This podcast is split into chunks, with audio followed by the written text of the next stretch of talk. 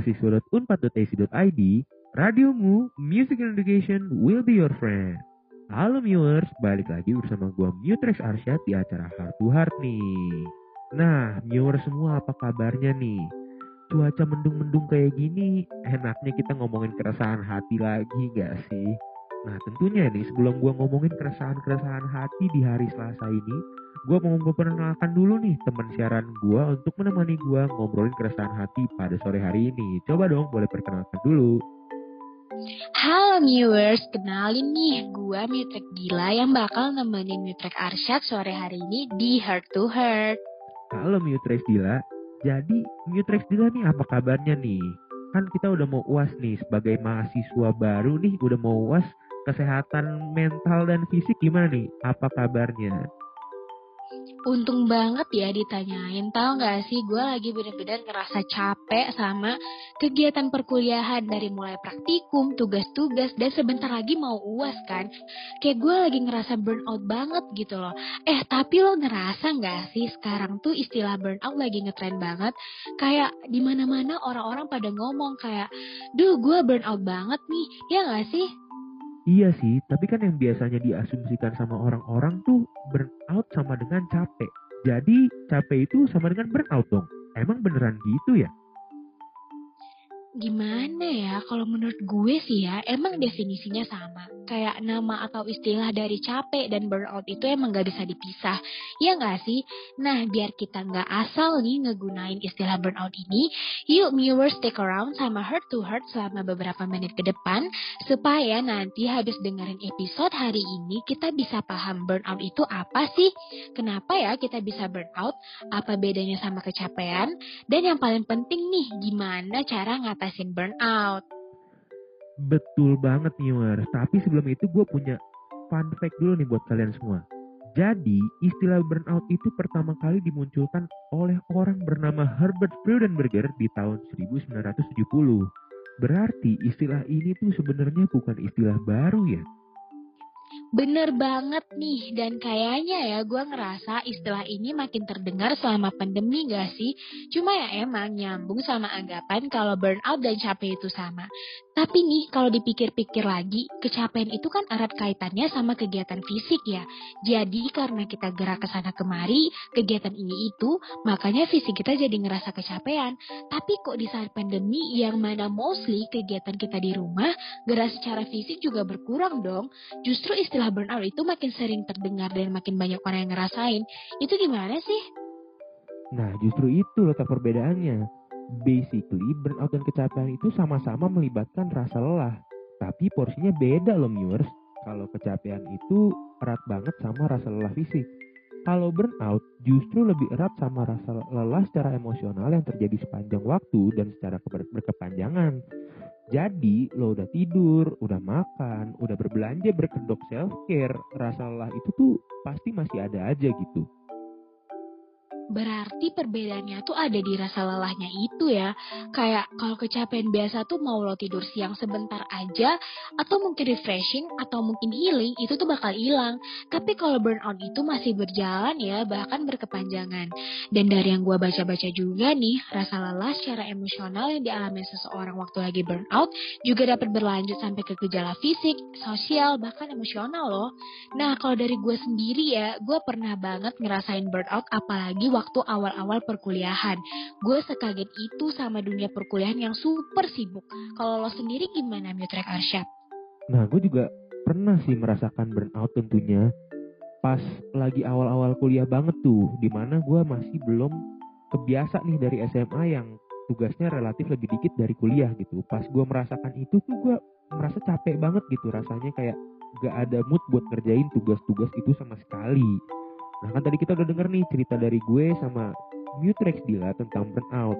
Nah kita juga udah tahu nih kalau burnout itu merupakan rasa lelah secara emosional yang berkepanjangan. Jadi sekarang kita juga udah bisa dong ngebedain sama rasa kecapean.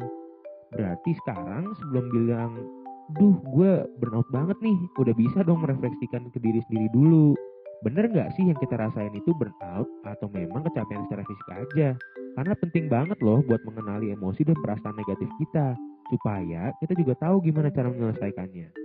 Bener banget, Butrek Arsyad. Nah, viewers, biar kita semakin kenal nih sama istilah burnout itu sendiri, yuk kita bahas tujuh hal yang biasanya dirasain dan dialami sama orang-orang yang lagi burnout. Yang pertama nih viewers, mengalami rasa lelah kronis. Udah istirahat, tidur, tapi masih aja ngerasa capek.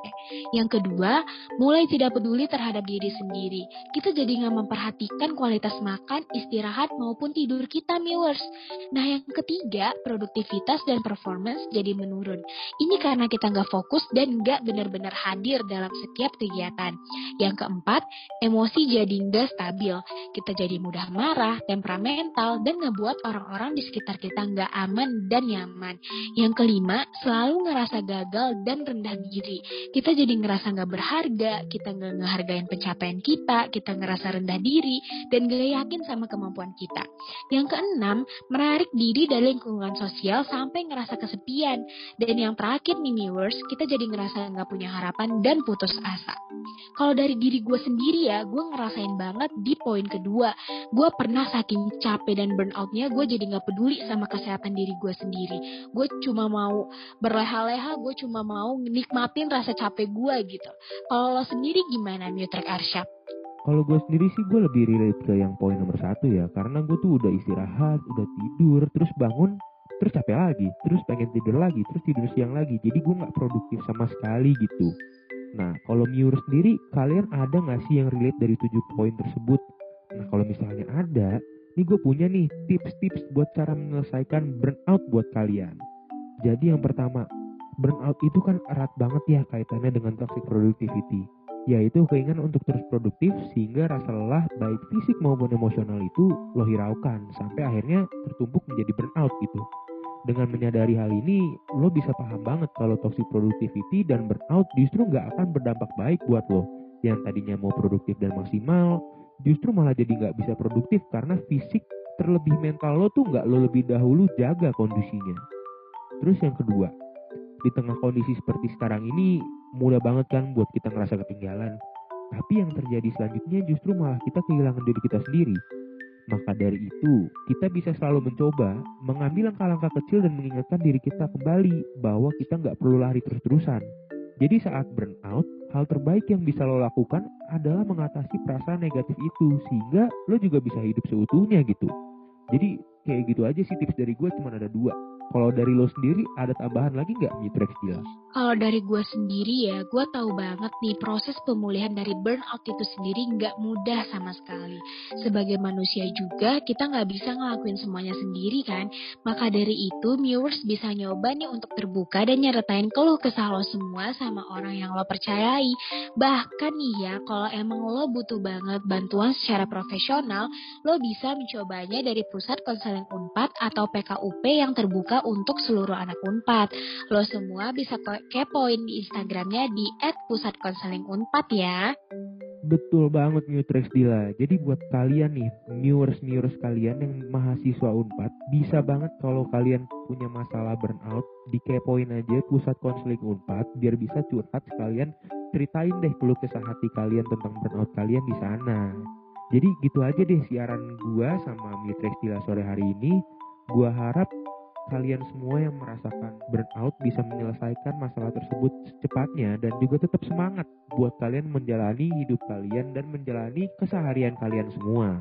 Bener banget, nih ya viewers, gue percaya banget semua masalah yang sedang kalian hadapi sampai kalian burnout atau capek itu bakal berlalu asal kalian tetap semangat. Nah, untuk viewers semuanya, jangan lupa untuk selalu dengerin episode-episode Heart to Heart dan jangan lupa juga nih selalu dengerin siaran-siaran dari radiomu yang lainnya ya. Betul banget, jadi segitu aja deh siaran dari kita. Newtrex Arsyad and Newtrex Dila signing out. Radiomu. Stay young and free. Bye, Bye viewers. viewers.